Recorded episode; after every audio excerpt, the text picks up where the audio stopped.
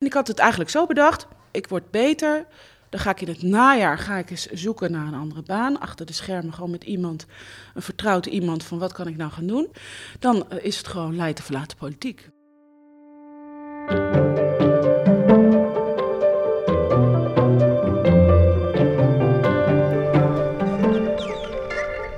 Kijk, Laurens. Hallo, hallo, hallo, hallo. Ja, ik ben er. Althans, ik loop in de buurt. Ben je? Ik zie je niet. Nee, ik loop in het verkeerde straatje. Ze lijken een beetje op elkaar hier. Maar ik ben, eh, ik ben eh, aan de wandel al. Oké. eh, ja.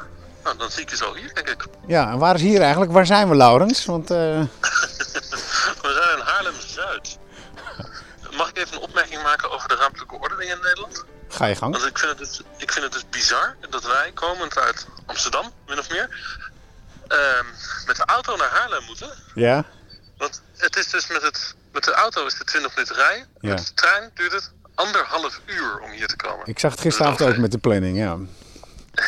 Nou zijn wij van goede zin. Wij gaan graag met het OV, maar dit werd ons te gortig. Ik zie je aankomen lopen. Ja, ik zie jou ook al staan. Toch nog even gemopperd eh, op het OV. Dit is De Binnenkamer. Harmer van der Veen en Laurens Boven gaan op visite bij politici van toen en nu. Een bezoekje in het hoofd en hart van bevlogen bestuurders. Ja, Renske Leijt, vertel eens. Mm, ik ben heel blij dat we bij haar langs mogen komen. Eh, het is toch een van de meest prominente Kamerleden op dit moment. Een belachelijke hoeveelheid voorkeurstemmen. Al heel lang de nummer 2 van de SP. Heeft ze veel voorkeurstemmen gekregen? Heel veel. Ik weet even niet uit mijn hoofd hoeveel, maar echt heel veel. Vanwege de toeslagenaffaire natuurlijk. Oké. Die zij samen met eh, Pieter Omtzigt en eh als ik aan van Denk was er natuurlijk ook bij betrokken. Maar vooral natuurlijk Omtzigt en, eh, en Renske Leijten. Ja, ze heeft in feite het kabinet ten val gebracht eh, vorig jaar natuurlijk. Vlak voor de verkiezingen. En ik ben heel benieuwd met haar hoe het met haar gaat, hoe het met die affaire gaat. En of ze nou ook een beetje het gevoel heeft dat ze iets bereikt heeft in de politiek. Want ze zit al heel lang in de politiek. Ehm, in 15 jaar geleden Kamerlid geworden. En ze heeft natuurlijk een hoop bereikt in de zin van dat ze schandalen boven tafel heeft gekregen. Maar ze wilde ooit de politiek in om de wereld te veranderen.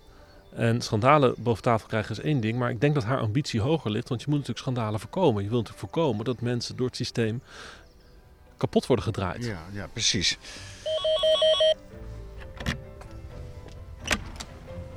Goedemorgen, Hallo. Renske. Hi. Hallo, wat fijn dat je er bent. Tik hem aan. Hoi, Hallo, Armen. ik ben nog een beetje aan het opruimen. Geen probleem. Mogen de schoenen aan? De schoenen mogen aan. En dan de deur dicht. Renske, wat was je aan het doen eh, toen wij aanbelden? Aan het opruimen, nog eventjes eh, een beetje toonbaar maken. Mhm.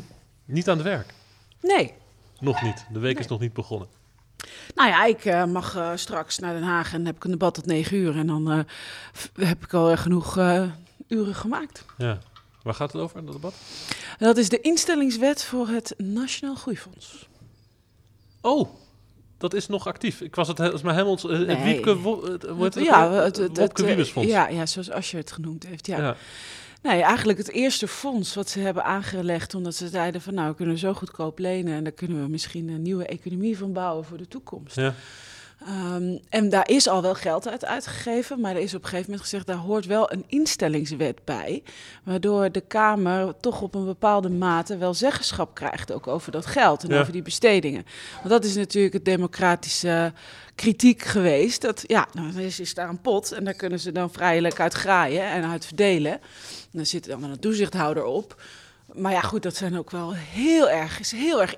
Ja. Heel erg vriendjes van de vriendjes. ik het was me helemaal ontschoten dat het nog bestond. Want dat is bedacht voor corona. Toen Ja. kregen we corona. Ja. En eh, inmiddels hebben we een oorlog. En En een gigantisch fonds voor klimaat en een gigantisch fonds voor stikstof, wat volgens dezelfde lijnen gaat werken. ja, Jullie moeten mij of dit even heel helder uitleggen, Oh. of we moeten van onderwerp veranderen. Want het is, ik, ik begrijp het eigenlijk niet. De Nederlandse overheid eh, eh, leent eh 10 miljard, reserveert 10 miljard om te lenen, om te investeren in zaken waarvan ze denken dat dat voor de economie goed is over 20, 30 jaar. Oh. Eh, daar kunnen bedrijven, ondernemingen, eh, uitvinders, universiteiten aanvraag op voor doen. Eh, en dan krijgen ze dus dat geld, die subsidie. Ja, oké, dat klinkt als visie en vooruitkijken. Ja, of het klinkt als uh, gratis lenen bij, uh, bij de overheid en uh, een, een, rekening die wij neerleggen bij toekomstige generaties. Het ligt natuurlijk maar net wat je ermee doet. En wie daarvoor in aanmerking komt en wie erover beoordeelt. En hoe je er naar luistert blijkbaar, want ja. ik, ik hoor iets heel anders dan jij. Dat is ja. grappig. Ja. Nou ja, kijk, ik denk dat op het moment dat je kijkt naar de inrichting van ons land over 10, 20, 30 jaar... Uh, dat je best wel mooie investeringen kan doen die op lange termijn voor iedereen werken.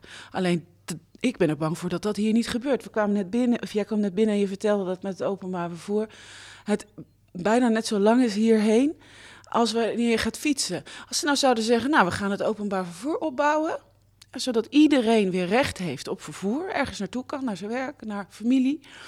En daar moeten we geld verlenen om dat te investeren voor de toekomst. Dan zou ik dat een heel ander verhaal vinden dan wanneer nu toch ja, bedrijven subsidie krijgen. En op geen enkele manier gevraagd wordt: betaal je dat terug als je winst maakt of wat dan ook. Grappig, dus dat, dat, onderwerp wat Laurens ook zei tegen mij, dat, ik denk dan altijd een beetje, dat Laurens moppert dan een beetje, hè? dat het met het OV veel langer is dan met, de, met de auto. Um, overigens, toen ik inderdaad ook keek op de reisplanner, dat het 32 minuten was met mijn auto, met hele dure benzine. Ik heb weer staan tanken helaas. En ruim een uur en 17 minuten om met de trein bij jou hier te komen. Ja. Dan is hij blijkbaar iets misgegaan, want jouw buurt ligt blijkbaar helemaal niet lekker op het OV-netwerk. Is er hier een bus verdwenen dan ook? Of, of nee, er is, de, de, bus die is hier vijf minuten lopen vandaan. Dus dat is het punt niet. Uh, alleen hij, hij, dan zijn aansluitingen niet lekker, of dan rijdt hij niet vaak genoeg, of dan is hij met overstappen. Over het algemeen zit ik hier, zitten wij hier in Zuid-Haarlem wel goed op in de aansluiting op de bussen naar Amsterdam. Hmm. Uh, en ben ik eigenlijk vrij snel bijvoorbeeld op Amsterdam-Zuid. Daar is het bijna niet tegen op te rijden met de auto. En vanaf daar vertrekken natuurlijk weer heel veel treinen. Maar goed, dat weet je als je hier woont. Ja, maar jij vindt het wel een exemplarisch voorbeeld over, uh, van, van, een, van een, een sociale voorziening waarvan jij vindt dat het wel echt magertjes dan is, of niet? Bedoel... Zeker, zeker. Nee, maar er zijn zoveel mensen. Wat, kijk, jij hebt nu nog een alternatief. Je kiest niet voor het alternatief, dat OV. Maar je zal uh, in gebieden wonen waar de buslijnen echt weg zijn. Buiten de Randstad is het heel mager.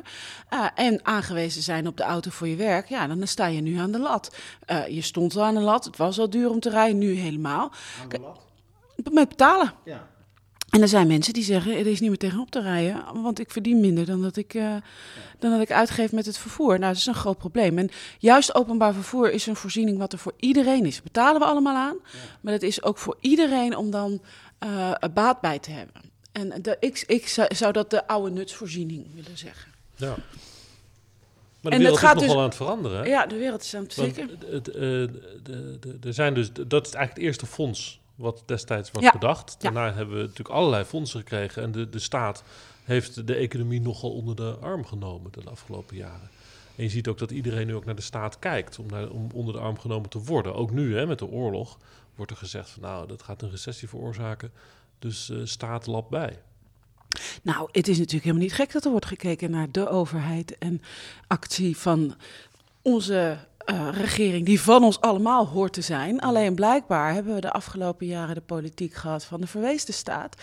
Dat het jou zelfs opvalt. Ik vind het helemaal niet raar dat de, dat de overheid helpt op het moment dat je economisch dicht moet. Bijvoorbeeld als de overheid zegt je moet dicht. Nou, dan vind ik dat de overheid ook moet zeggen, word je daarvoor fatsoenlijk gecompenseerd. Hè, zoals in de coronatijd.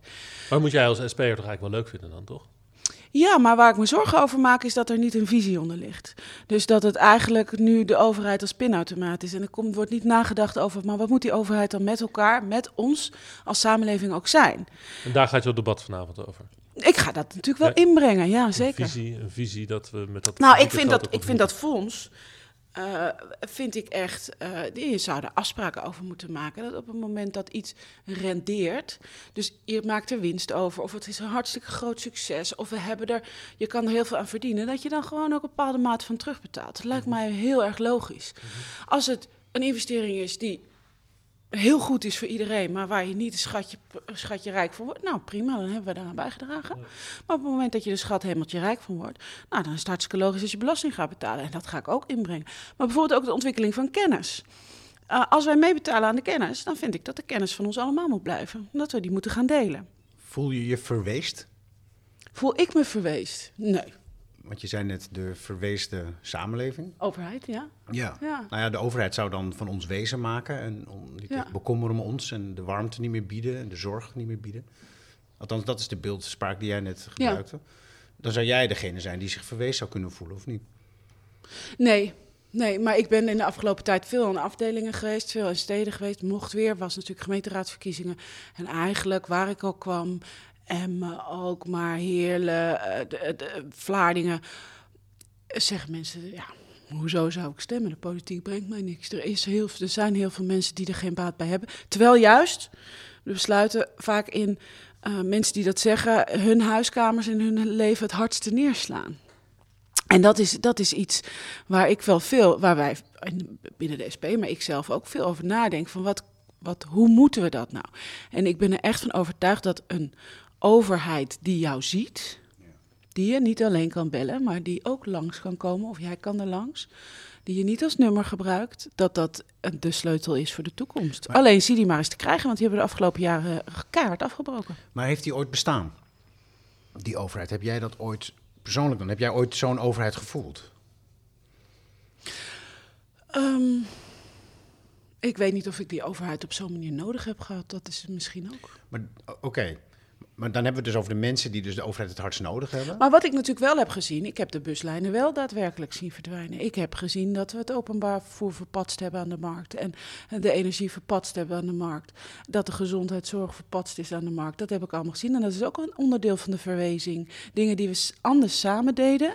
Waarvan we zeiden dat is een voorziening. Die, heb je, die is er als je hem nodig hebt. En die betalen we, garanderen we met elkaar. Eh, dat, is, dat heb ik allemaal verpatst zien worden, ja. En toen kwam de zelfredzaamheid. Ja, wat ik altijd dikke bullshit heb gevonden, ja. Maar jij bent iemand die zich dus blijkbaar al die jaren wel heeft zelf kunnen redden. Ja, En, en jij hebt ook dus het privilege eigenlijk, eh, net als wij waarschijnlijk, dat wij de overheid inderdaad niet eens zo heel veel nodig hebben. Mhm. Maar dan gaat het om die groep die dus, die dus de overheid heel erg nodig heeft. Die jij ontmoet tijdens, tijdens jouw werk, waar jij nou ook naar op zoek gaat. En die, die, die, hebben, die, willen, die doen niks meer met die overheid. Die, die, die, die stemmen niet eens meer. Die kiezen niet meer. Die voelen zich bedonderd, belazerd. En, en, en, en als wij dan wat besluiten eigenlijk, jij trouwens, met, met het kabinet, dan raakt het hen het hardst. Ja, of dingen niet besluiten, hè? Of, laten lopen. Of ja. laten lopen. Of, Maar juist die eh, groep heeft geen ja. stem meer, lijkt het. Nee, en dat is heel Dat is een zorgelijk. enorme paradox. Het is heel, en dat is heel zorgelijk voor de, voor de democratie. Eh, want uiteindelijk, hè, dat was ook eh, na eh, Rutte, de vorming van Rutte 4, eh, eh, zag je dat heel duidelijk. De tevredenen regeren. En dat zijn allemaal kwadranten en daar doen politicologen onderzoek naar en dat kan je het heel goed zien. Maar er is ook laatst een onderzoek gedaan door René Cuperes en Josse de Voogd. In opdracht onder andere van het ministerie van Binnenlandse Zaken. En die hebben het over afgehaakt Nederland. En zij benadrukken ook heel sterk dat dat mensen zijn die zijn afgehaakt gemaakt. Eh, want je stemt bijvoorbeeld altijd op een partij die nooit regeert. Eh, je hoort niet de taal eh, die, die je begrijpt. Of het gaat nooit over de problemen. Of je ziet geen representatie van de groep die jij bent. Nou allemaal zaken die volgens mij super belangrijk zijn, waar we met z'n allen in de democratie over na moeten denken. De tevredenen regeren, zo, zo noemde je dat. Ja, Er zijn heel veel tevreden in Nederland, hè? Anders Oh. zouden ze niet kunnen regeren. nou ja, eh, het, het- er zijn veel tevredenen, maar er zijn ook. eh, we hebben allemaal gezien na corona dat, dat de crisis, de kloven die we hadden in het onderwijs, als het gaat over gezond werken, voldoende verdienen voor dat werk, dat die verdiept zijn. En dan moeten we allemaal eigenlijk mee aan de slag. Maar als je dan de representatie in de regering hebt van een groep die daar juist eigenlijk helemaal niks van merkt, dan is dat een ja, groot Ik vond probleem. het interessant wat Harmen net vroeg. Van, heb jij dan ooit die andere overheid meegemaakt? Eh, zie jij een verschil, als je het hebt bij de tevredenen, dat die nu anders zijn dan dat ze vroeger zijn? Dat er, Nou, daar heb ik zelf geen onderzoek naar gedaan. Dat zou ik, zou ik moeilijk vinden om daar een, egoïstischer geworden. Want Tuurlijk, ja. er zijn altijd mensen die niks van de staat nodig hebben. En er zijn mensen die wel de overheid heel erg nodig hebben. Ja. En als het nu dus een probleem is dat we niet meer die overheid creëren die nodig is voor die mensen die hem nodig hebben. En dat kan jij morgen zijn en dat kan ik overmorgen zijn. Ja. Hè? Ja. Ja, maar als hij dus vroeger wel heeft bestaan, dan is er dus misschien. Waar is het dan het probleem? Is het dan het probleem van de mensen die niet stemmen? Of is het het probleem van de mensen die tevreden zijn dat ze niet meer zien dat andere mensen... Allebei, Misschien- is natuurlijk en-en. Het is, geen gebrek, het is een gebrek aan interesse, een gebrek aan waarachtig willen weten wat er speelt. Ja. Wie zijn dat soort mensen? Hè? Dat is toch een uitspraak die er voor mij wel uitsprong. Bijvoorbeeld bij die documentaire van Kaag. Wie zijn die mensen die... Wie zijn op- die mensen? Die, die, die in dit geval dan op, op, Baudet op, op Baudet of op Forum of op eh, PVV stemmen. Maar ja, dat Wie is... zijn dat? Ja. Ja. Die vraag wordt opgeroepen. De Kaag, ja, er was een, een documentaire Ja. gemaakt Maar ze Kaag. zei het op een, i- op een manier dat hij niet de interesse uitsprak, maar meer afwijzing. Maar dat heeft Hillary Clinton ook gedaan. Die noemde het de Ja, deplorables. ja, zeker. Ja, Ja, en, je- en je hebt ook wel eens, volgens mij, eh, Sarkozy, die werd een keer be- betast door een boer. ja, dat was een heel. Dat beeld, weet je dat nog? Misschien nee, dat kan ik die- niet. Nee. Ah, dat vond hij. eh Hmm. Zei ook. Wie zijn dit? zei hij. Hmm. Is, is dat een beetje. Je Nou ja, toen bij kijk, kijk, ik denk, ja zeker. Kijk, en ik denk dat je gewoon kan vaststellen, zonder dat dat een verwijt, als verwijt is bedoeld of als iets vies, dat we een politieke elite hebben. Die hebben we. Die politieke elite wordt omgeven door journalistiek, ambtenaren die met hun werken, hun omgeving waar ze thuis zijn. En die is onderdeel van de kloof. Die heeft het financieel-economisch prettig, woont in wijken eh, waarin het aangehakt is, huurt bijvoorbeeld niet, dus weet niet nou ja, wat de problemen zijn in een flat eh, waar je woont en waar je, je buurman eh, eh, een, een, een, nou ja, bij de metadonpost loopt en, en af en toe de junks over de vloer heeft en hoe dat, dan, dat de politie als je die belt dan niet komt of niet kan Ja. ingrijpen. Dat soort zaken, ja, mijn, mijn tas valt om. ja, je tas schrikt ervan. Ja. Nee, maar dat zijn wel dingen die, die, ehm, die niet een verwijt in zichzelf zijn, maar wel in die observatie de opdracht geven om geïnteresseerd te zijn, om op zoek te gaan, om met die mensen juist je te verhouden. En je kan het oneens zijn met elkaar. Maar als je er niet eens meer weet wat mensen beweegt of waarom ze daarop stemmen, ja, dan vind ik dat zorgelijk. Maar is dat een oproep aan, aan deze elite, het establishment, waar wij toe behoren? Mhm. Dat- behalve dan dat je erover leest, dat je er ook iets mee doet. Ik bedoel, uit- Zeker. Want, want als wij het dan niet doen. ehm, overigens, hoor jij erbij? Ja, nou dat is eh, altijd mijn worsteling geweest. In Den Haag voel ik me er niet bij horen. Maar ik loop er al zo lang rond dat ik een, een bepaald instituut ben geworden. Ehm, en als je gewoon naar alle eh, eh, indicatoren kijkt, waar zitten mijn kinderen op school, noem maar op, dan hoor ik daar absoluut bij. Mijn inkomen, mijn woonplek, noem allemaal op. Maar ik voel me niet zo. Ik heb, ik heb de voelt je een vreemde... binnen de bullshitmeter gaat heel vaak uit. En ik zeg dat ook vaak in het debat. Ik begin vaak over, ja, hoezo hebben we het weer over onszelf? Dat is mijn worsteling ook, om aan zo'n podcast als dit mee te doen. Ja, gaat weer een politicus over zijn werk zitten lullen. Hallo, we moeten problemen van de samenleving oplossen. Maar goed, en ik weet je wat ik bijvoorbeeld... Maar- Ik had laatst met een journalist over, die zei dan, had dan ergens gezegd... naar aanleiding van dat rapport Afgehaakt Nederland... oh ja, daar ga ik eens even iets mee doen. En eh, ergens in een interview, eh, ik had het op de radio gehoord... dus ik had die journalist een appje gestuurd... van goh, wat interessant, wat leuk, ehm, eh, wat goed ook... want mensen hier in de flats om de hoek... die komen nooit op tv. Hè? Dus de spiegeling, ook van wie jij bent, wie ik ben, die is er niet.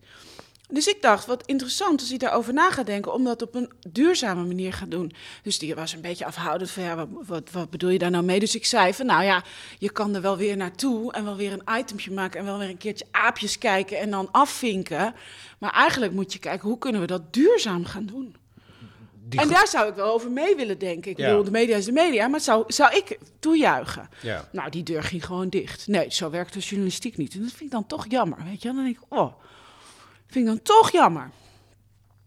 Mijn, eh, mijn, mijn, mijn, mijn on- ontzettend leuke beleidsmedewerker, die, met wie ik samenwerk op, eh, eh, op Binnenlandse Zaken, die zegt ook altijd, mijn ouders, gewoon de mensen uit Slagharen, die daar eigen onderneming hebben gehad en noem maar, op, die midden in het dorp staan, die komen nooit op tv. En die, alles wat op tv komt, is totaal niet, raakt niet aan hun leven. Dus dat is een echoput. Dat zijn een echoput van de, een spiegelpaleis van de, de, de tevredenen. Precies. Dus ik zie mijzelf steeds terug op televisie. Ik vind jouw positie nog steeds zo in- interessant. Want jij worstelt eigenlijk continu met jouw positie. Zeker. want Ik probeer hem wel te gebruiken om dit verhaal bijvoorbeeld Ja, te ik vertellen en om mensen wakker te maken. Ja, want als ik om me heen kijk, dan kan ik gewoon opzommen wat ik allemaal zie. En, en, en hiernaast staat een flat overigens, Mhm. naast, naast jouw wijkje. En ik zie meteen, jouw wijkje betekent, dit is wat hoger Maar, inkomens maar en daar dit, wat ja, en dat, dit, dit, de- waar ik woon, het lijkt net een compound. Het is eigenlijk Ja. bizar dat je zo wijken Van vormgeeft. hoog opgeleid, eh, Zeker. wit. Ja. eh, jij bent het allemaal, jij hebt zes vinkjes denk ik, als ik zo even... Ja, sorry. Maar, maar jij bent dus een, zie jij jezelf als een, als een scharnier dan? Of een schakel tussen, tussen de ongehoorde, de ontevredenen? Als jij begint met tevredenen, dan zijn dit de ontevredenen. Ben jij dan die schakel, de megafoon voor hen daar in Den Haag? Voel je dat ook zo? Zeker. Ja, ik voel me echt volksvertegenwoordiger. En, ehm, eh, en dat, dat houdt me ook op de been, om maar even zo te zeggen. Heb Voor- je dat nodig om op de been te blijven? Ja, Als je- voor die, voor, als ik voor die bullshit daar voor, voor mezelf zou doen, dan zou ik echt al lang Want zijn wat, geweest. wat voor offers leef jij hier allemaal voor? Nou, ja, poeh. Ook dat vind ik weer lastig. Waarom? Nou, ik kies daarvoor om die offers te leveren en ik wil er eigenlijk niet over klagen. Maar ik heb weinig tijd over. Nou, Eh, ik zou vaker willen sporten en gezellig op het terrasje willen En zitten. waarom wil je daar niet over klagen eigenlijk? Waarom noem je het, eigenlijk- waarom noem je het eigenlijk een klacht? Ja.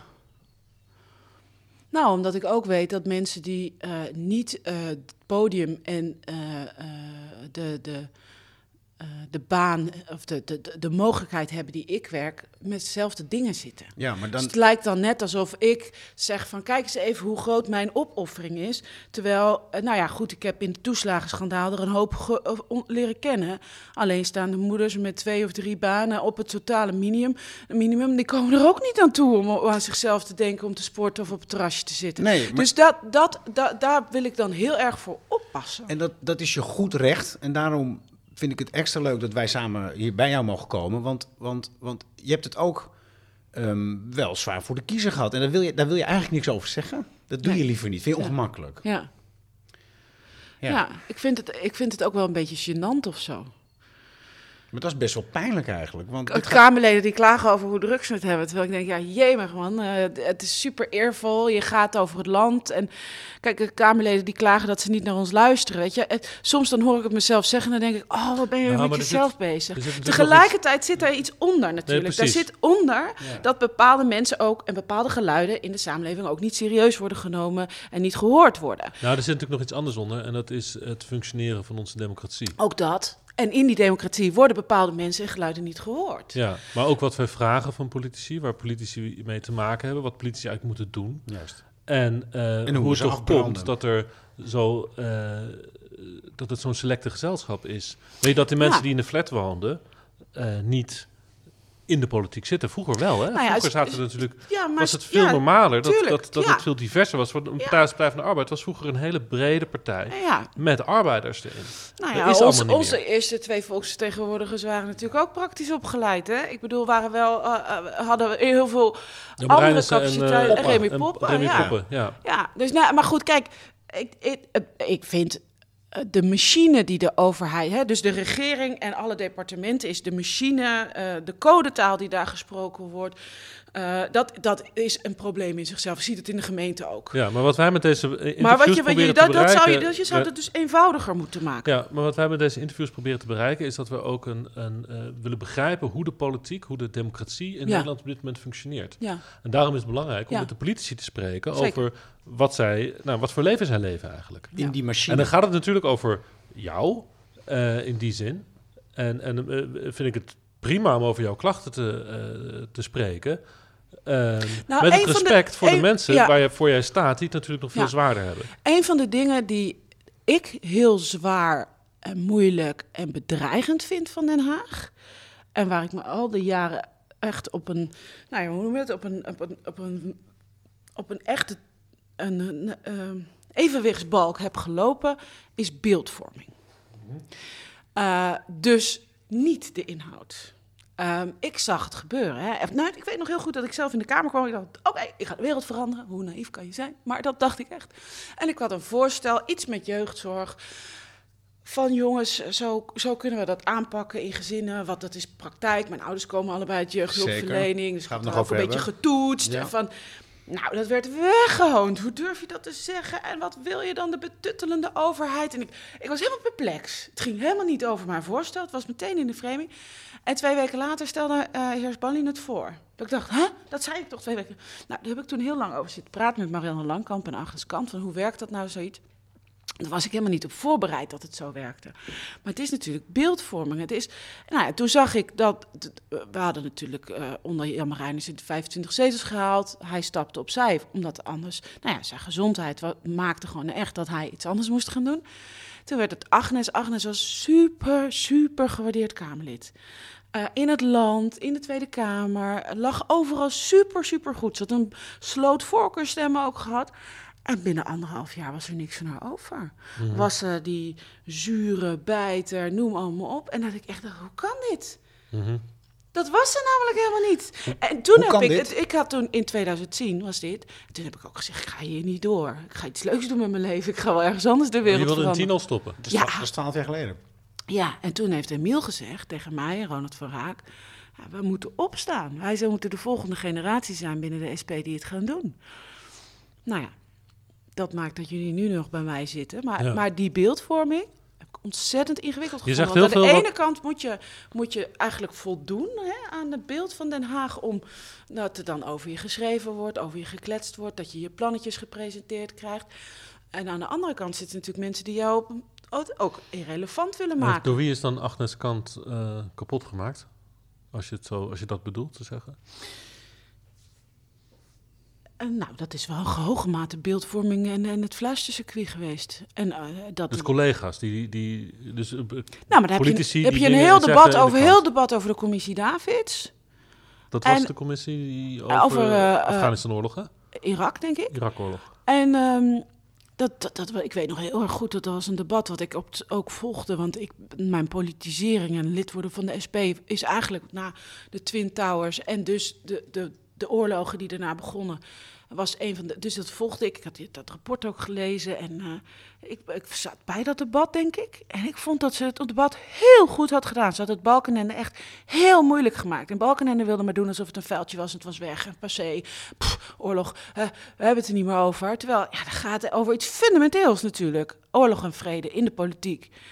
En, en dan zat ik s'avonds Nova of Nieuwsuur, ik weet niet wat het toen was, te kijken. En dan was er één fragment waarin ze dan net te scherp was of zo. En, uh, en, uh, dan, dan werd gezegd, ja, Agnes Kant was fel zoals altijd en daarmee effectief of zoiets wordt dan af. En als, de, als je dat zes keer achter elkaar plakt en dat gebeurt een paar maanden en dat wordt, daar wordt zo op die manier over geschreven, dan, dan, dan, dan win je dat niet meer. En uh, um, ik ga niet met de vinger wijzen wie dat dan heeft gedaan, maar er zijn absoluut toonaangevende journalisten die echt pissen op de SP. Die echt pissen over de SP. Zure columns, noem allemaal op. En ja, daar moet je je toe verhouden. En dat noem ik de evenwichtsbalk. Moet je het negeren, moet je gaan praten, uh, moet je aantonen dat je iets anders bent. Moet je allemaal, je moet erover nadenken. Maar ik denk wel eens, waar haal je überhaupt een lef vandaan om dat te doen? Maar ik zie dus jou nu op die evenwichtsbalk. Ja je wordt dus uit balans gebracht van, van, van verschillende kanten. En jij probeert dus daar op te blijven staan. Een, een wankel. Een wankel ja. Uh, ja. ja. Dat is dus elke dag ben je dus je, je, je, evenwicht aan het bewaren. Ja. Dat is heel zwaar. Ja. En dat heb je dus daarna nog twaalf jaar volgehouden. En je zit er nog steeds. Ja. Is nou, het dankzij of ondanks jezelf? Want, want... Nou ja, ik heb in 2019 heb ik een enorme burn-out gekregen. Daar heb ik toen, was toen niet een geheim, maar heb ik ook niet aan de grote klok gehangen. Wat gebeurde er? Um, nou, ik hoef niet te zeggen wat er allemaal gebeurde, maar ik, was goed, ik lag er goed af. Ik was 40 geworden en ik moest mijn grenzen gaan aanwijzen. Dat, ik heb samen met de huisarts gekeken van nou, wat doe je dan op een dag waardoor je eigenlijk door je grens heen gaat. En dat waren hele praktische dingen, van altijd haast hebben, niet goed eten. Maar ook, ja, weet je, dan zit je om elf uur achter je bureau en dan moet je nog dat stuk afmaken. En dan ging ik dat nog doen. Terwijl, ja, terwijl zij zei, joh, dan doe je toch de volgende dag. Als je er doorheen beukt, dan ga je niet alleen je grens over, maar je wordt ook ineffectief. En dat heeft me wel geholpen. Uh, um, het gevoel, ik, heb, ik ben nooit klaar, ik schiet tekort, het kan beter. Dat is ook een karaktertrekje. Ehm, en dat kan je natuurlijk versterken of dat kan je afremmen. Nou, dat heb ik eigenlijk toen geleerd. En voor mij was toen heel duidelijk, ik ga de politiek uit. En voor mij was ook heel duidelijk dat dat niet lang meer zou gaan duren. Ik was eigenlijk van plan om dan beter te worden, want ik wilde niet uh, ziek de politiek verlaten. Dat vond ik eigenlijk te uh, sneuf, ook voor mezelf in de inzet dat je dan ziek de politiek verlaat. Ja, van die evenwichtsbalk gedonderd. Precies, en ik, want ik wilde rechten op de politiek verlaten. Op die balk weer staan. Precies. Uh, met zelf gekozen moment de deur uitlopen, laat maar zo zeggen. Ja. Wat heel moeilijk is in de politiek. Zeker, zeker. Um, uh, nou, dus, en ik had het eigenlijk zo bedacht. Uh, ik word beter. Dan ga ik in het najaar ga ik eens zoeken naar een andere baan. Achter de schermen gewoon met iemand, een vertrouwd iemand van wat kan ik nou gaan doen. En dan ga ik in maart, mei, dus een jaar nadat ik ziek, echt ziek kwam te zitten, thuis kwam te zitten, dan uh, is het gewoon Leiden verlaten politiek. Een twintig had dat moeten zijn. Ja. Bij, toen corona uitbrak, weten we nu. Hè? Dus in, in ja. die tijd eigenlijk. Ja, nou ja, goed, dat kon je natuurlijk niet voorzien. Dat kon je natuurlijk niet maar voorzien. dat is niet gebeurd. Nee. In de zomer van 2019 startte ik een meldpunt over de kinderopvangtoeslag. En we wisten al dat er een groot probleem was met 350 gezinnen die heel ernstig waren aangepakt. Daar had de Nationale Ombudsman een rapport over geschreven. Hadden we ook een debat over gehad. Die zouden gecompenseerd gaan worden. deed de commissie Donner onderzoek naar. Mm. En dat, dat meldpunt maakt, liet eigenlijk zien dat de groep veel groter was, veel breder was en dat het langer had geduurd. Ja, en toen werd ik uh, naar voren geduwd. Werk, dat is een golf geweest waar ik op heb gezeten, waar eigenlijk nu pas een beetje gaat, gaat liggen. Dus dat kon niet weg, joh. Je kon, je, je, moet, je kon van, niet van het front. Nee, zo voelde dat echt. Ja. Ik heb die mensen gezegd, ik ga jullie helpen. Het was nog niet klaar. Een belofte. Een persoonlijke ja. belofte. En toen heb ik in de zomer van 2020 dus enorm getwijfeld van wat ga ik doen. Als je namelijk aankondigt, ik ga weg. Dan ben je ook weg. En er moesten nog dingen geregeld worden voor die ouders. Er moest nog een parlementaire ondervragingscommissie komen. Er moesten nog zaken gebeuren. Ja. En toen, ja, ik heb toen ook gewoon heel eerlijk tegen de partij gezegd: van eigenlijk ben ik op zoek naar de uitgang. Uh, uh, maar op het moment dat jullie met mij, wat dat is de eerste vraag natuurlijk, of de partij met je door, als je dat wil, dan ben ik daartoe bereid. Dat heb je op gezet. Maar hou me wel rekening mee uh, dat het kan zijn dat ik niet die termijn volmaak. Nee. Want de vraag van jou, van waarom zit je daar dan nu nog? Ik heb altijd gezegd, je zegt ja tegen de hele termijn. Dus je gaat niet tussentijds weg, tenzij je echt ziek bent. Of, nou, uh. Dat was je eigenlijk allemaal? Je was echt ziek? Nee, maar toen had ik dat besluit dus ook genomen. Maar nu heb ik wel gezegd, ik ben okay. verkiesbaar. Ik ga voor die toeslagen, uh, de toeslagen ja. ga ik aan de slag. Maar goed, zoals het werkt bij mij in mijn hoofd, ik krijg altijd meteen heel veel ideeën. Maar dat en er is ook heel veel te doen. En ik zit nou binnenlandse zaken waar je ook heel veel kan doen als het ja. gaat over de informatiepositie. Dus je bent er nog, je, je, blijft nog. En maar, ik heb heel veel ideeën. Maar je wil eigenlijk, ja, eigenlijk is je ambitie ook gehaald in de zin van dat je beter bent geworden. Ja, ja, ja. He, want wat je nou ja, ik merk, je... ik merk wel dat, het, dat ik. Dat ik, um, um, uh, ik, ik, merk wel dat ik nog wel kwetsbaar ben. Nee, maar. Dus ik moet wel. Ik moet die, die lessen die ik toen met die huisarts heb, moet ik echt toepassen. Aha. Ja, ik had vanochtend eigenlijk gedacht dat ik na de, uh, uh, het naar school brengen van de kinderen achter de computer ging zitten en mijn tekst voor dit wetgevingsoverleg ging maken. En toen kwam ik thuis en dacht ik, ik moet gewoon nog een uurtje slapen. Dat doe ik dan. Dan ga ik daar dus niet doorheen. Want ik moet nog de hele en dag dat heb je en gedaan. de hele week. Ja, ja. Dus je hebt geslapen vanochtend. Ja. Na, dat is een heerlijk moment trouwens om te doen. Ja. Dat had je vroeger nooit gedaan waarschijnlijk. Puur uh, plichtbesef. Uh, ja, toch door, doorheen jezelf, beuken. Precies, jezelf er niet gunnen. Je, waarschijnlijk, je, Ja. je, je bent katholiek geloof ik, maar een Calvinist zijn we allemaal. D- Dat vind je ook, ja, Renske gaat niet slapen, s ochtends een beetje, terwijl iedereen... Dat sta jij jezelf niet toe en nu wel. Ja. Ik sta mezelf toe om een hele avond televisie te kijken... terwijl ik weet dat er heel veel mailtjes zijn om te beantwoorden. Goed zo. Ja. Lekker toch? Nee, maar dat is echt ook nodig. Ja. Maar het is wel fascinerend, want je- had het net al over eh, dat je als eh, jonge vrouw eh, idealistisch de kamer inrende. En je was ook echt een jonge vrouw. Dat Ja. is 15 jaar geleden. Je Ja. was toen nog geen 30, 26, 27. 26 zelfs. Ja. D- dan ben je natuurlijk, eh, als je 26 bent, ben je natuurlijk gewoon eh, volwassen. Maar ehm, in zekere Nou, zin weer wel hoge mate naïef, ja, precies. Exact. Maar je bent dus, je bent dus gewoon, je bent volwassen geworden, een, een volwassen vrouw in de politiek. Ja. En, en, en, en, en dat is toch eigenlijk tegelijkertijd... Ik zoek even een paradox, hè? Want, want je, je zegt net van... ik voel me daar ook niet helemaal thuis in Den Haag. Mhm. Ehm, maar je bent... eh, er zit waarschijnlijk ongelooflijk veel binnenhof in jou. Ja, zeker, zeker. En ik heb ook. Terwijl je het eigenlijk niet wil. En er zijn ook wel eens, ik heb natuurlijk wel met mensen over dat ik dan, hè, van wat, wat dan hierna, want dat vragen mensen dan ook. En dan ben ik, dat zou ik niet weten, daar ben ik ook op dit moment niet mee bezig, omdat ik vind dat ik mijn aandacht moet hebben voor het werk wat ik doe. Ehm, maar de, de- dus toen was er iemand die zei, ah, je moet een boek gaan schrijven. Ik Ja hoor, er komt er weer zo eentje die een boek gaat schrijven. Ja, Ja, ik vind ook zelf dat er, dat er te je- weinig maar je kan, je, boeken, worden geschreven door maar politici. Toen, maar toen, toen, toen was het van, ja, maar je kan ook juist dan een boek schrijven over hoe werkt dan de democratie? Exact. Hoe haal je dan een wetsvoorstel Exact. binnen? Nou ja, goed, wie weet wat de toekomst brengt. Dat zullen we wel zien. Maar, nou ja, goed, kijk, het- is... ehm, eh, ik ben natuurlijk daar volwassen geworden. Ik ben ook echt een hele, hele lange tijd eh, een enorm partijdier geweest. Eh, dat is ook minder geworden eigenlijk sinds ik de kinderen heb. En wat is een partijdier? Nou, dat ik in bestuur zat, ik door het land ging, overal openbare avonden deed. De- de- in 2015 werd de zorg gedecentraliseerd en naar alle afdelingen trainingen geven voor Een gemeenteraadsleden. hele hoop onbetaalde energie voor de, Ja, voor de partij. ja, maar goed, daarmee sta je wel in contact met je achterban. En weet je dus ook wel waarom je dan in, eh, in Den Haag je dingen wel doet of bepaalde dingen niet doet. En dat vond ik wel juist heel erg fijn aan volksvertegenwoordiger zijn. Alleen toen ik de kinderen kreeg, toen heb ik wel gezegd, ja, dat gaat gewoon niet. Het zijn twee banen naast elkaar. Drie jongetjes. Twee. Twee jongetjes. Je broer heeft er drie. Ja, Ik heb onderzoek gedaan. Maar dat gezin, dat komt dan. ehm, dat lijkt me ook niet, eh, niet niks. Ik bedoel, dat, dat, dat, dat is ook wel een, een, eh, een wake-up voor... voor eh, nou, er zijn ook wel mensen in mijn omgeving die zeggen dat heeft Renske gered. Anders was ze veel eerder over de klink gegaan. Want ja, die evenwichtsbalk in de aandacht van mijn leven, die had ik totaal niet staan naar iets wat thuis was of, nou ja, een wortelschaf. Ik weet niet hoor, ik, zo heb ik mezelf niet geanalyseerd, maar ik vind het wel heel fijn dat het is gebeurd. Want ik dacht zelf eigenlijk, rond die tijd dat ik mijn man leerde kennen, van ja, weet je, ik ben gewoon, ja, ik heb gekozen voor een carrière en ik ben een leftover. Alle leuke mannen in mijn omgeving, ja, die waren echt al bezet en die waren zich al aan het settelen.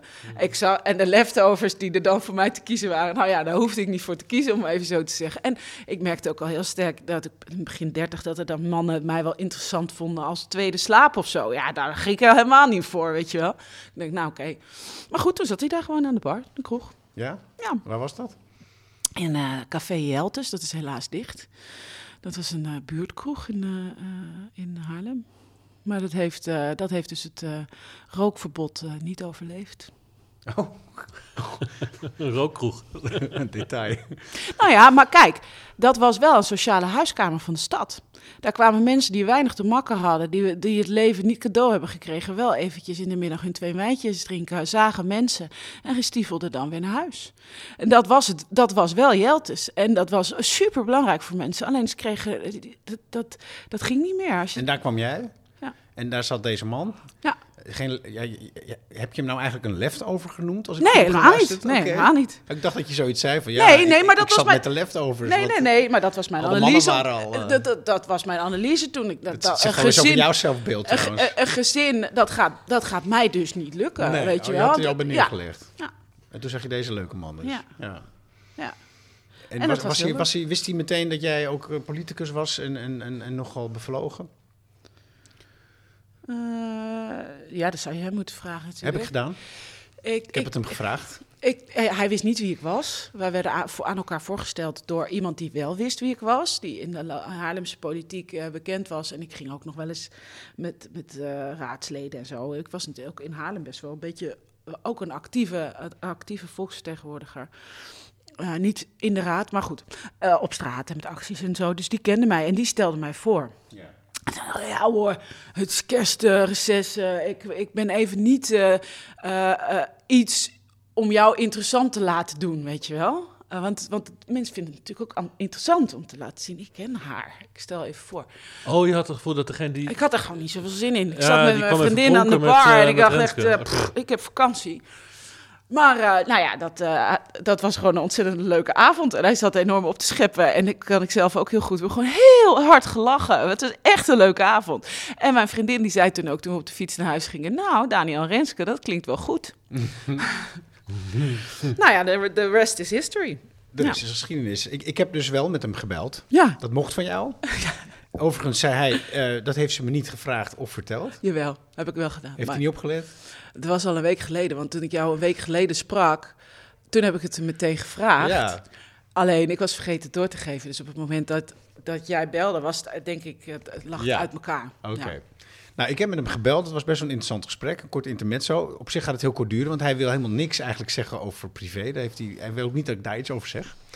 Maar ik heb hem wel gespiegeld dat ik ook eh eenzelfde situatie zit. Mijn vrouw is ook politicus. Eh, die is ook heel druk hier in Amsterdam. Eh, daar in Amsterdam bedoel ik. Marjolein Moorman van de, van de PvdA. En, en, en ik heb, zij heeft roofbouw gepleegd op ons, op ons gezin. Gewoon met alles wat ze deed, vooral toen ze raadslid was. Waren er heel veel momenten ehm, dat ik gewoon het telefoontje kreeg. Ik ben er niet, ik ga niet komen, dit duurt drie uur s'nachts. Toen moest ik stoppen met werken, naar de kinderen, crash, alles koken. Dat was verschrikkelijk. Ik bedoel, als, ik, ik, ik, kreeg bijna een burn-out, moet ik bekennen. Mm, mm. Nou, ik heb met jouw man daar ook over gesproken. En hij had helemaal geen zin om over te zeggen, maar hij herkende het wel. dat geloof ik, ja. Verder durf ik niet te gaan. Maar denk jij dat hij dat toen besefte toen hij jou in de kroeg tegenkwam? Want Nou, kijk, wij. eh, eh, ehm, eh, ik denk dat hij zich dat toen niet besefte. Ehm, ik denk dat hij wel heeft geweten dat toen we eh, besloten dat we toch gingen proberen kinderen te krijgen. En toen ze ook kwamen, dat hij wel aan de lat stond. En ehm, we hebben dat eh, goed kunnen vormgeven, omdat hij dat met zijn werk goed kan doen. We hebben ook nog opa en oma die een dagje kunnen doen, dus dat is heel fijn. Ehm, maar hij, hij wist het wel. Kijk, toen wij net een relatie hadden, net gingen samenwonen, toen, toen deed ik nog die twee banen bij elkaar. Dus toen was ik er ook nauwelijks. Maar goed, hij vond het ook prima. Hij had ook zijn dingen, ook zijn werk. En als we wel eh, samen waren, dan gingen we gewoon leuke dingen doen. Dus hij wist dat ik ontzettend druk was. Eh, alleen, ik merk het nu zelf ook aan de kinderen. Die ze gewoon zeggen, hé, hey, waarom ben je er vanavond eigenlijk wel? Ja, en dat vind ik heel confronterend. oh, waarom ben je er wel? Ja, Ja, shit. Ja, dat is inderdaad een momentje van shit. En aan de ene kant denk ik dan, oh jeetje, eh, heftig. Maar ja, weet je, mijn man heeft ook wel eens tegen mij gezegd... ja, Rens, als je iets anders gaat doen, dan ben, dan ben je toch ook weer... het is toch wel weer een drukke baan, want dat is gewoon ook de aard van het beestje. Dus ja, goed, weet je... Ik vind het ook goed dat mijn kinderen zien dat eh, hun moeder eh, dingen doet, eh, werkt. En daarom, bedoel, je op. kinderen zijn ook, ook trots op Mijn je. ouders, ik heb ook altijd Ik- werkende ik ouders was- gezien. Ik en- was vorige week bij het, eh, de, de, het verkiezingsfeest van de Partij van de Arbeid in Amsterdam, waar Marjolein Moorman Ja. eh, dus een eh, Ge- overwinning ja, haalde. geweldig toch? En ik stond te kijken hoe Marjolein dus een toespraak hield voor haar eh, partij. En jouw dochter, jouw oudste dochter, die stond in de zaal. En ik zag hoe jouw dochter naar ha- haar moeder keek. Die natuurlijk met al die, hè, hoe trots, de trots en de blijdschap. En van daar staat mijn moeder. Ondanks al die avonden dat ze Tuurlijk. natuurlijk dan niet thuis is, Tuurlijk. is het Ja. zoiets Kijk, bijzonders. kijk, en ik heb voor mezelf wel heel duidelijk gezegd: ik wil een aanwezige moeder zijn. Dus niet op het moment dat ik thuis ben, ook nog eindeloos achter de computer. En eh, op vrijdag eh, eh, ben ik gewoon thuis, want dat is mijn mamadag. Daar moeten mensen altijd vreselijk om lachen, want papadag is veel normaler. Maar ik noem dat ook echt zo. zo. En ik bewaak dat ook goed. Het gaat ook over beeld. Ja, precies. En ik, pro- ik probeer het weekend ook te bewaken. Ja, afgelopen weken was echt wel, ben ik heel veel weg geweest, want er waren verkiezingen. Maar dan leg ik het ze ook uit. Ehm, en nou ja, ze zijn inmiddels ook op een leeftijd dat ik het met ze kan bespreken. Jaar of tien, toch? Zo zijn ze? Hm? Jaar of tien. Acht en zes.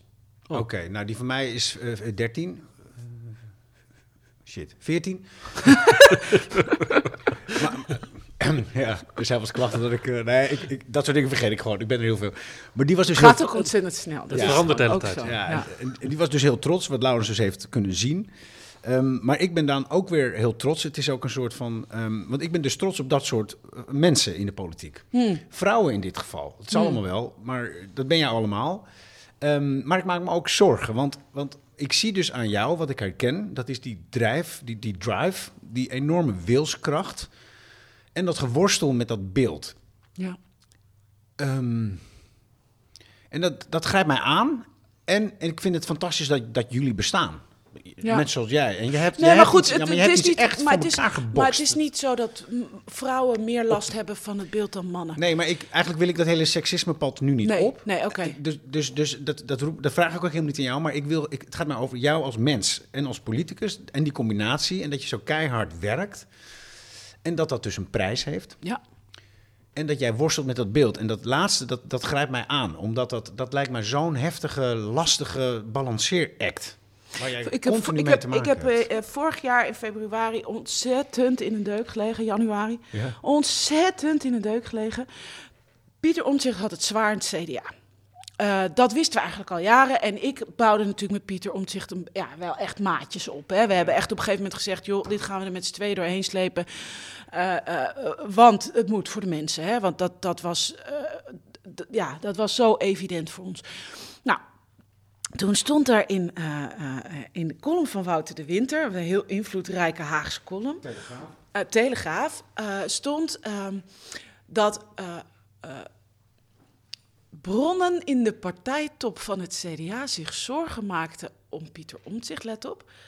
Dus eh, zijn positie werd een beetje in dat fluistercircuit aangepakt.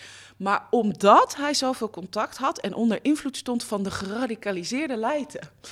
Dus echt, ik lag helemaal in. Ik denk, ik zit zo lang in de politiek. En ze hebben nu pas door dat ik geradicaliseerd ben. maar ze proberen dus even met zo'n spinnetje.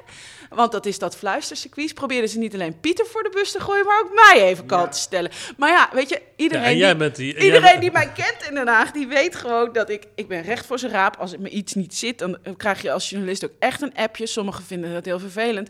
Uh, anderen, uh, uh, weet je, en als ik daarin te ver ga, dan, dan zeg ik ook, oké, okay, sorry, dat was misschien te ad rem. Ik zeg echt wel wat ik ervan vind.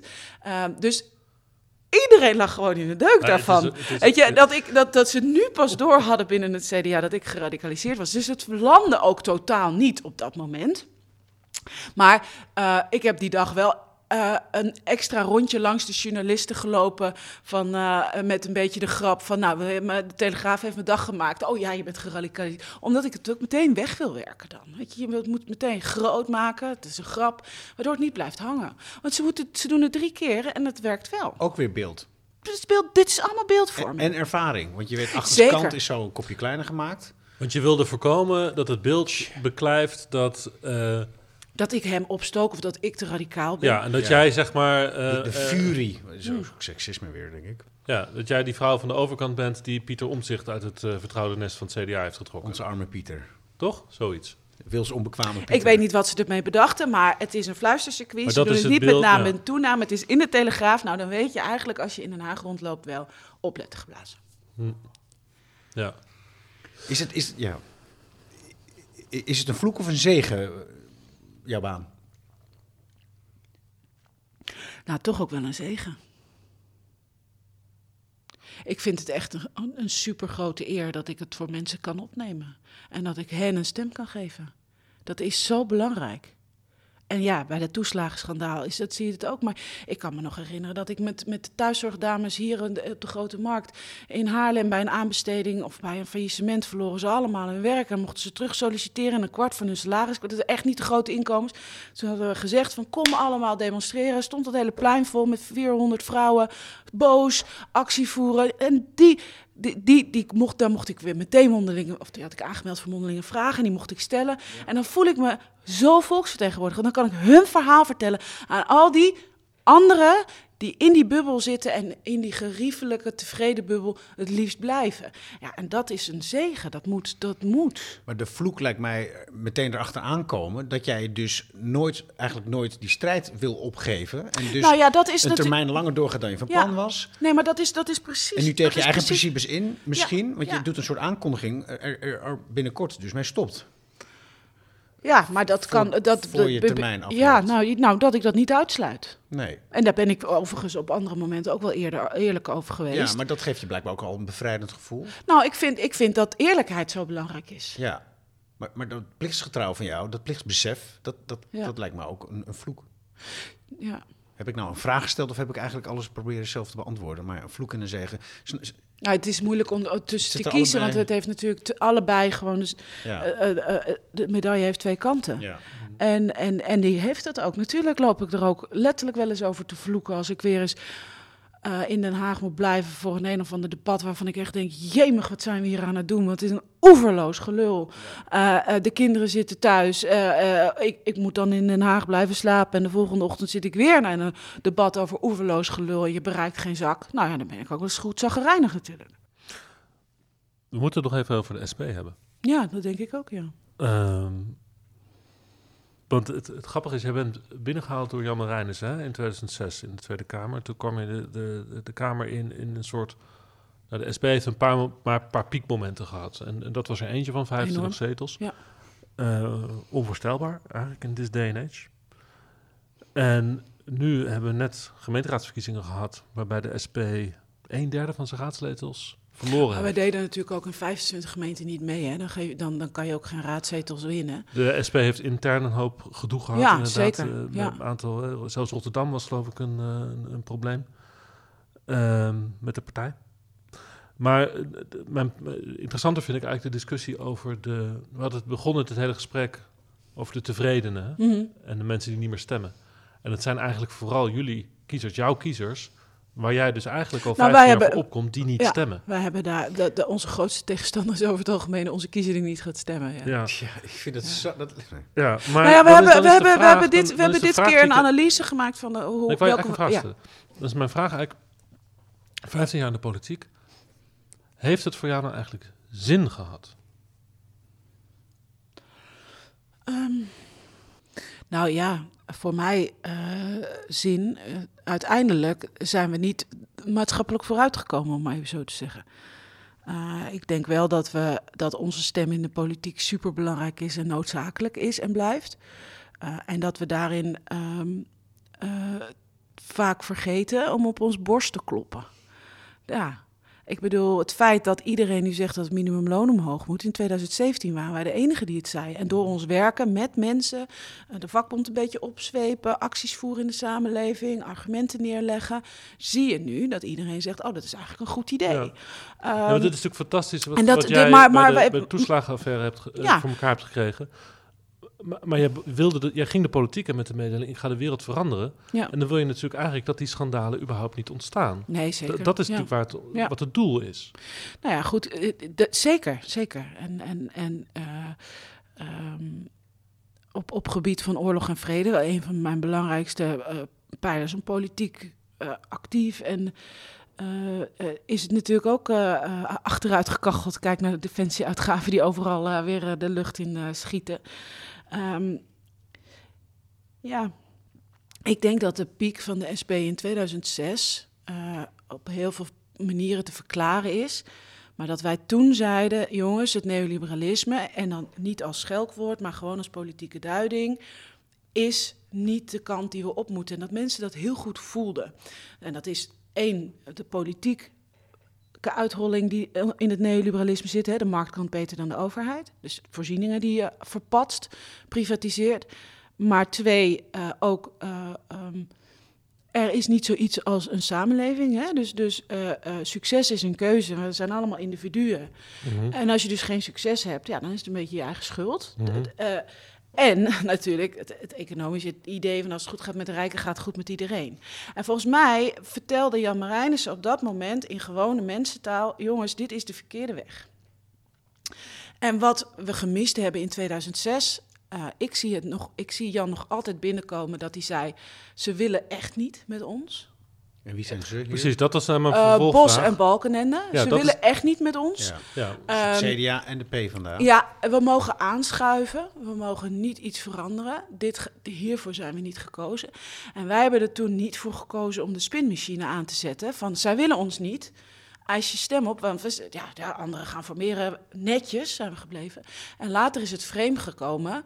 Eh, ze zijn weggelopen. Dat is heel bewust geïnjecteerd. En dat zeggen heel veel mensen ook nog. Terwijl als je het formatierapport van Hoekstra leest, die zegt ook gewoon: er is geen bereidheid bij het CDA en de Partij van de Arbeid om de keuzes die Balkenende 2 heeft gemaakt, waar wij zo'n harde oppositie tegen voerden, om daar iets aan te veranderen. Bijvoorbeeld. De marktwerking in de zorg terugdraaien was voor ons heel belangrijk. Maar dat, wat, je wat je, wat dan verder ziet, weet je, op dat moment legden wij goed uit dat het neoliberalisme niet de route was voor ons land. En vervolgens is er een kabinet en kabinetten gekomen die alleen nog maar wel verder voort zijn gegaan met die principes van het neoliberalisme. Als het gaat over politiek, als het gaat over naar mensen kijken, als het gaat over de rijken in de hangmat eh, leggen. Ehm, en ik denk dat we heel veel hebben bereikt in het blootleggen dat het niet de koers is. Ik denk ook echt dat we op dit moment op een punt staan van kunnen we er iets voor in de plaats zetten. Zo, zo eh, kijk ik ook een beetje naar de winst van jouw vrouw. Zij heeft op dit moment het goede verhaal wat aansluit waarvan mensen zeggen: ja, we willen niet verder met uh, tegenover elkaar staan. We willen meer verbinding. We willen in ieder geval dat ieder kind een goede start krijgt. Hè?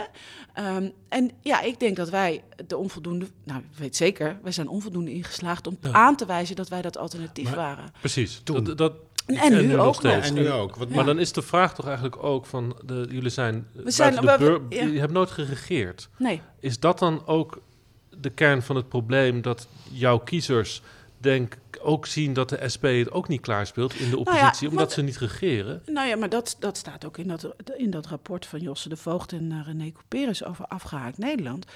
Die mensen die, die stemmen dus op de SP en zien dat hun stem uh, niet wordt gehoord, ook niet in Den Haag. We wordt ook niet gegund om te gaan regeren.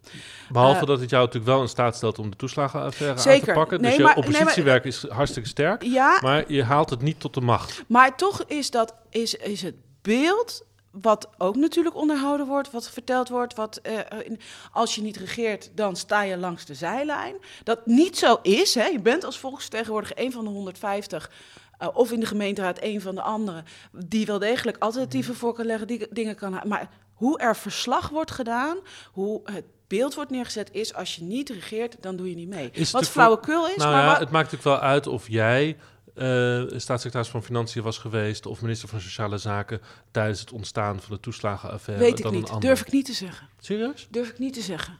Je had het toch wel gezien? Ik, ik, ik, vind, dat, ik vind dat echt grootspraak. Oh ja? Interessant. Ja. Goed ook. Waarom? Het was een tijd waarin er gezegd werd: uh, profiteren van overheidsgeld, dat doen we niet. Uh, dat zei de SP ook, want er moest hard bezuinigd worden. Wij, wij, zeiden wel, je moet uitkeringen en toeslagen hebben voor mensen die het nodig hebben. En dat mag ook wel een beetje meer. Maar wij zeiden ook, iemand die ervan profiteert, die pak je aan, dat doe je niet. En de manier waarop gepresenteerd is dat je met algoritmes, met procedures, goed mensen uit de, de bak kan vissen die het verkeerde voort hebben, dat was wel de stemming in het land. Alleen dus ik kan niet, ik, ik weet niet of, ik, ik durf dan niet te zeggen dat ik dat dan had gezien. Wat het probleem ook in de toeslagen-schandaal is, is het niet dat het fout ging. Ja, dat is een probleem. Maar dat op het moment dat het fout ging en ze wisten dat het fout zat, dat ze het niet hersteld hebben, dat ze het in de doofpot hebben gestopt. Mhm. Want ze wisten in 2014 al dat het niet goed ging. En in 2017 lag een rapport van de ombudsman ervan. En nu zijn er nog steeds ouders die op dezelfde manier worden aangepakt. Kijk, en, en het ontstaan van zoiets als een zwarte lijst bij de Belastingdienst, ja, dat, volgens mij weet je dat als bewindspersoon helemaal niet. Er is niet iemand die op die knop heeft gedrukt en heeft gezegd, ja, zo ga je dat, dat is uitvoering. Dus uh, uh, ik hoop dat het zo zou zijn geweest dat op het moment dat de signalen kwamen dat het goed mis zat, dat ik dat wel had gezien. Maar of ik het ontstaan had kunnen voorkomen, ik denk dat dat, dat, ik denk dat, dat echt grootspraak is, als ik dat zou zeggen. Zo, maar dan, dan is, dat is een heel uh, hard oordeel over wat voor een staat we eigenlijk hebben op dit moment, wat voor ja. een overheid. Ja. Dat, dat... We hebben een overheid die uitsluit, terwijl die moet insluiten. Maar dus ook niet onder controle staat van uh, politici dan op sommige momenten. Nee, en ik, nou kijk, de uitvoering moet niet onder de directe controle van politici staan. Volgens mij is dat ook niet hoe je de overheid moet runnen. Er moet een, een intrinsiek gevoel zijn van de doelen halen waarvoor je bestaat. Uh, alleen, dat is heel erg op een gegeven moment als proces ingericht. Ja, en, ja, of meer als een op hol geslaagde fabriek. Ja, nou ja, maar een proces kan je natuurlijk prima doorlopen, maar dan is er nog geen probleem opgelost. Ja. Hè? Uh, en en um, uh, um, ik denk dat, dat, dat je dat heel sterk ziet binnen de overheid. Dat er heel erg procesmatig nummers, uh, uh, do, ja, scores halen. Ja. Um, en, en op die manier die managing, ja, daar moeten we echt vanaf. Hey, en dan nu, hè, want dit is geen programma om um, nieuwsgesprekken te voeren, maar... Um, uh, het, het, het, ik ben toch benieuwd naar wat jouw analyse dan is van wat er nu moet gebeuren met de SP. Want we hebben een. een, uh, Jan, een Lilian Marijnissen heeft dit weekend uh, gezegd van dat de, jouw partij zich meer moet gaan afzetten van de andere linkse partijen. Nou, volgens mij heeft ze dat niet zo gezegd, maar... maar zo ik, stond het in de krant. Ja. En, en nee, maar paar... dit is het moment dan om het beeld bij te stellen. Nou ja, kijk, ik, wat mijn analyse wel ook al langer is, hè, los van... Want ik vind dat je ook naar jezelf moet kijken, maar als je kijkt naar beeldvorming, verhalen, hoe ga je hoe sta je daarin? Het verhaal van links is uitermate zwak. Sociaal-economisch links bestaat eigenlijk niet meer. Dit is moralistisch links geworden. Uh, en um, um, daar keren ook mensen zich van af. En ik denk dat de SP minder moralistisch links is, maar gewoon keihard gaat voor die boterham op, uh, op, de, um, uh, op, op de plank voor een fatsoenlijke overheid die goed met jou omgaat over voorzieningen die we samen met elkaar organiseren. Want je moet samen organiseren, wil je samen verder komen. Het gaat om de worst, zoals de Duitsers zeggen. Uh, ja, eerst het eten. En dan die moraal.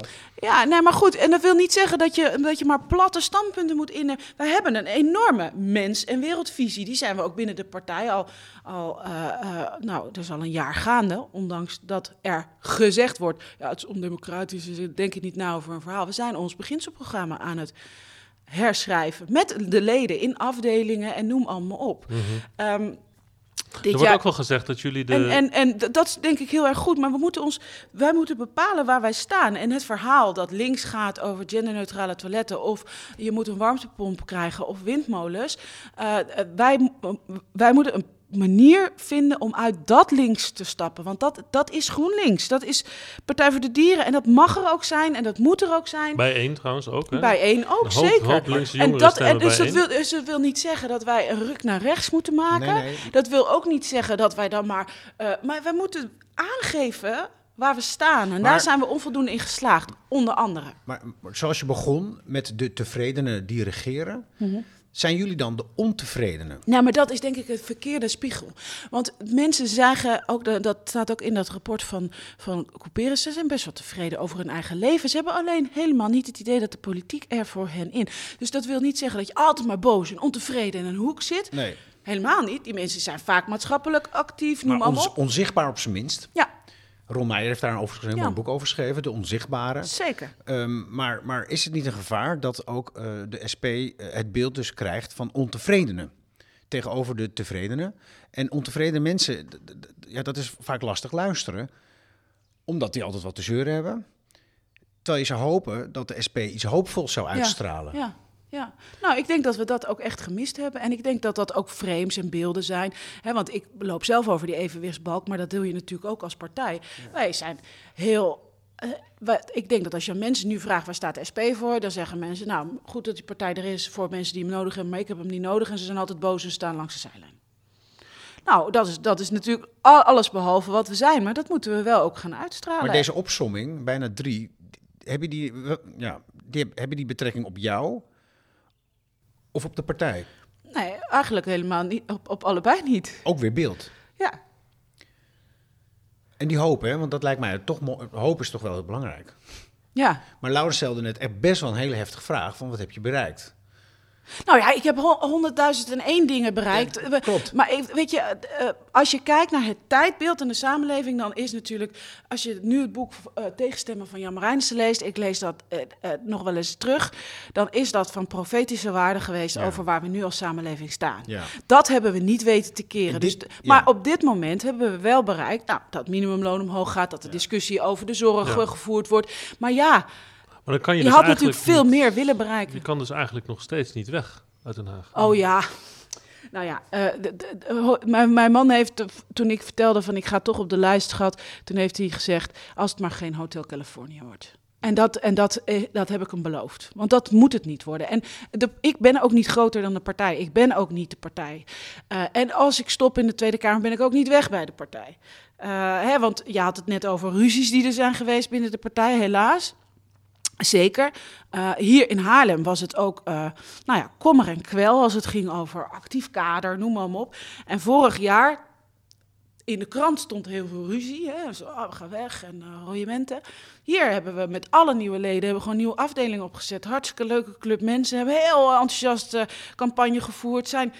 En daar gaat het dan nooit over, weet je wel. Dus we moeten ook voetje, voeten aan- de grond.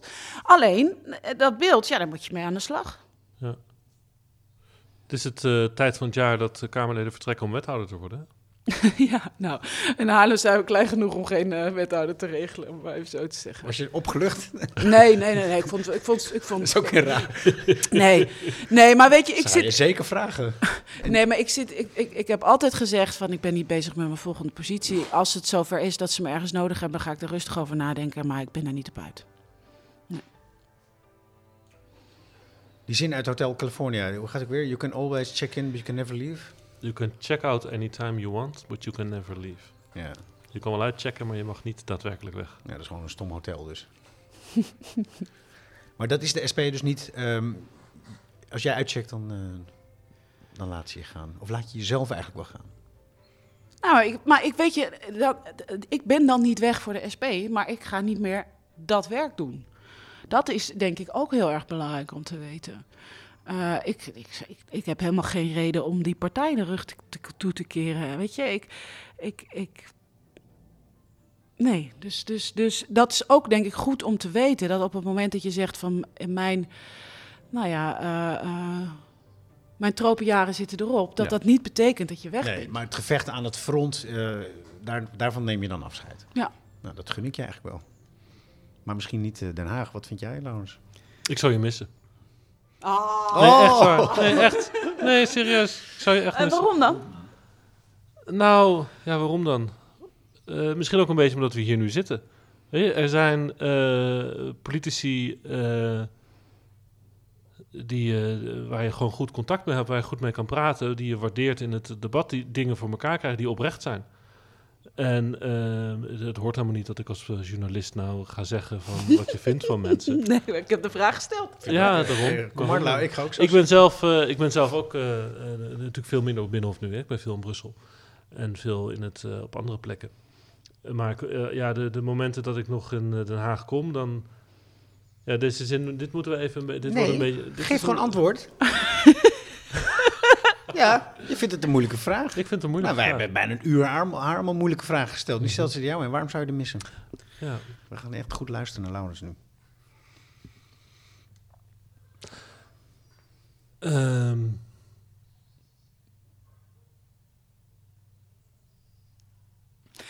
Waarom zou ik... je- Het, is heel grappig, want ik, je, ik zag jou nooit in, de, in Nieuwsport. Ik zag jou nooit op de terrassen op het plein. Nee.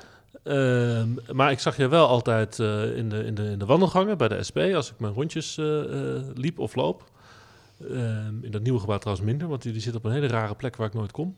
Maar in dat oude gebouw wel. En ik heb gewoon altijd heel goed... ik vond het leuk om je te zien. Gewoon, ah, Ja. Renske, goed. En dan hadden we het over gewoon de wereld en over alles. En dan, dan helpt het mij om na te denken en te begrijpen wat er gebeurt. En, en er zijn een paar mensen waar je dat wel mee hebt en een paar mensen waar je het totaal niet mee hebt. En eh, die het gewoon, waar je gewoon goed contact mee hebt. Maar ja, dit is een beetje een onzin antwoord. Wat vind je van het antwoord? Nee, ik- Nou, ik vind het. Ik vind, kijk, weet je, ik snap heel goed dat je als eh, journalist die verslag doet van, eh, van het politiek. En Nou, wat, de, wat, heb- wat de politiek doet, dat je dan zegt: ik, ik, ik, eh, ik behandel iedere partij en iedere politicus eh, eh, onbevooroordeeld. Maar dat je geen antwoord zou kunnen geven op dat je iemand ook persoonlijk zou waarderen, dat vind ik eigenlijk een kramp. Ik, ik, ik heb ook best wel vaak ook dingen over de journalistiek gezegd. En dan krijg je ook vaak de kramp van, oh, is het de schuld van de media? Zeggen journalisten dan altijd zelf. En dan denk ik, nee, zelfkritisch kunnen kijken en ook kunnen waarderen. Dat is onderdeel van je werk. En dat is ook onderdeel, volgens mij, van het nadenken over je rol in de democratie en de toegevoegde waarde. En wat jij ook zegt, ehm, voor mij was het echt een bewuste keus om niet eh, in dat beeldvormingscircuit mee te draaien, nieuwspoort, de terrassen. Maar wel op het moment als een journalist dan kwam over de SP, te zorgen dat ik mijn, ons verhaal wel vertelde.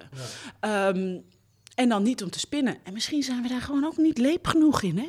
Of misschien moeten we dat in Den Haag eens een keer afschaffen, al dat spinnen en dat beeldvormen. Ik bedoel, Nou, en, je, en, ik- en dat is ook, ik heb het altijd belangrijk gevonden om waarachtig te zijn. En jij zei dat net. Mooi woord. En dat vind ik echt belangrijk. Ik vind jou zeer waarachtig. Vorm en inhoud moeten een beetje gelijk lopen. Laat me één ding nog zeggen. Goed Eh, zo. wat, eh, je, je had het over, je hebt het heel veel over dat fluisteren, dat spinnen en dat doen. En het is als journalist best moeilijk om dus te opereren op Binnenhof, waar iedereen de hele tijd aan het spinnen is. Dat hè. geloof wat is ik, de dat waarde geloof- van ja, informatie? En eh, wa- wat ik, hoe ik het Binnenhof heb leren kennen, is dat je altijd wel ehm, mensen tegenkomt waarvan je het gevoel hebt van... hé, hey, hier, hier zit eerlijkheid. Hier, als ik met jou praat, dan, dan, dan hè, er is een soort, een soort, soort, soort neutraal punt of een soort vast punt. En daar kan je dan de, het gespin zeg maar, aan refereren. Hier wordt niet gespind, zullen we maar zeggen. En dat had ik bij jou altijd, eerlijk gezegd, niet zo op de momenten dat ik het over de SP had. Want dan weet ik weer, van, hè, dan, Ja, dan maar is, ja, wordt het voor mij weer moeilijk ja, om met ja. jou van, om te begrijpen hoe zit het nou precies met die jongeren. Maar eh, wel als het gaat over het politieke spel, wat, er, wat Ja. ik voor mijn ogen zie gebeuren. Ja. Ik eh, wil dat begrijpen en ik heb politici nodig om het te begrijpen. En dan in die zin ga ik je missen als je daadwerkelijk het Binnenhof verlaat. Omdat dit toch wel een van mijn vaste plekken was waar ik goed mee kon praten. Nou, bijvoorbeeld laatst hadden we het debat over de omgangsvormen. Vonden we eigenlijk een gênant debat, want het ging een heel middag over onszelf hebben, terwijl de problemen in het land en in de wereld groot genoeg zijn. En maar toen heb ik het aangegrepen om eigenlijk te vertellen over ons werk is zoveel meer dan alleen maar die beeldvorming, die spin en die omgangsvormen. En toen had ik gezegd, en dan luister je naar de politieke podcast. Ik had er een beetje een grapje, een beetje cynisch grapje van gemaakt. Eh, en nou ja, dan zat ik dus in de, eh, de stemming van eh, Joost Vullings en eh, eh, Xander van der Hulp. En dan komt er zo'n zinnetje achteraan van ja, het was ook om- doordat ze het zei ook een beetje een, een sollicitatie om erin te komen. Weet je, dat was het gewoon niet. Het was, een, het was niet mijn spreektekst, het was een antwoord op iemand. Het was wel iets waar ik over na had gedacht. Van hoe ga ik dat debat doen? Wat willen we voor toon laten horen? Waar willen we het over hebben? En dan, en dan denk ik, ja, weet je, er is op het Binnenhof heel veel. Oh, dat doe je voor een belangetje. Oké. En daardoor wordt iedereen ook zo wel benaderd en gezien. En Renske? dat is wel lastig. Jij hebt niet gesolliciteerd om bij ons in deze podcast te komen. Wij hebben jou uitgekozen. En eh, als ik voor mezelf mag spreken, is dat omdat ik jou een zeer waarachtig politicus vind. Dat raakt mij, dat emotioneert mij. En dat is bijna waar deze podcast is voor opgericht. Om deze mensen een, een, eh, een, een, een heerlijke uur te geven. En daar mag iedereen naar luisteren. En dan, dan horen ze, ik weet zeker wat ze horen. Dat is namelijk wat ik hoor, dat je echt bent. Echt, echt, dankjewel. Dankjewel. Graag gedaan. Heerlijk. Nog een kopje koffie? Ja, en een fotootje. Je moet wel even op de foto. Beeld, beeld. We hebben nodig voor ons... Heeft echt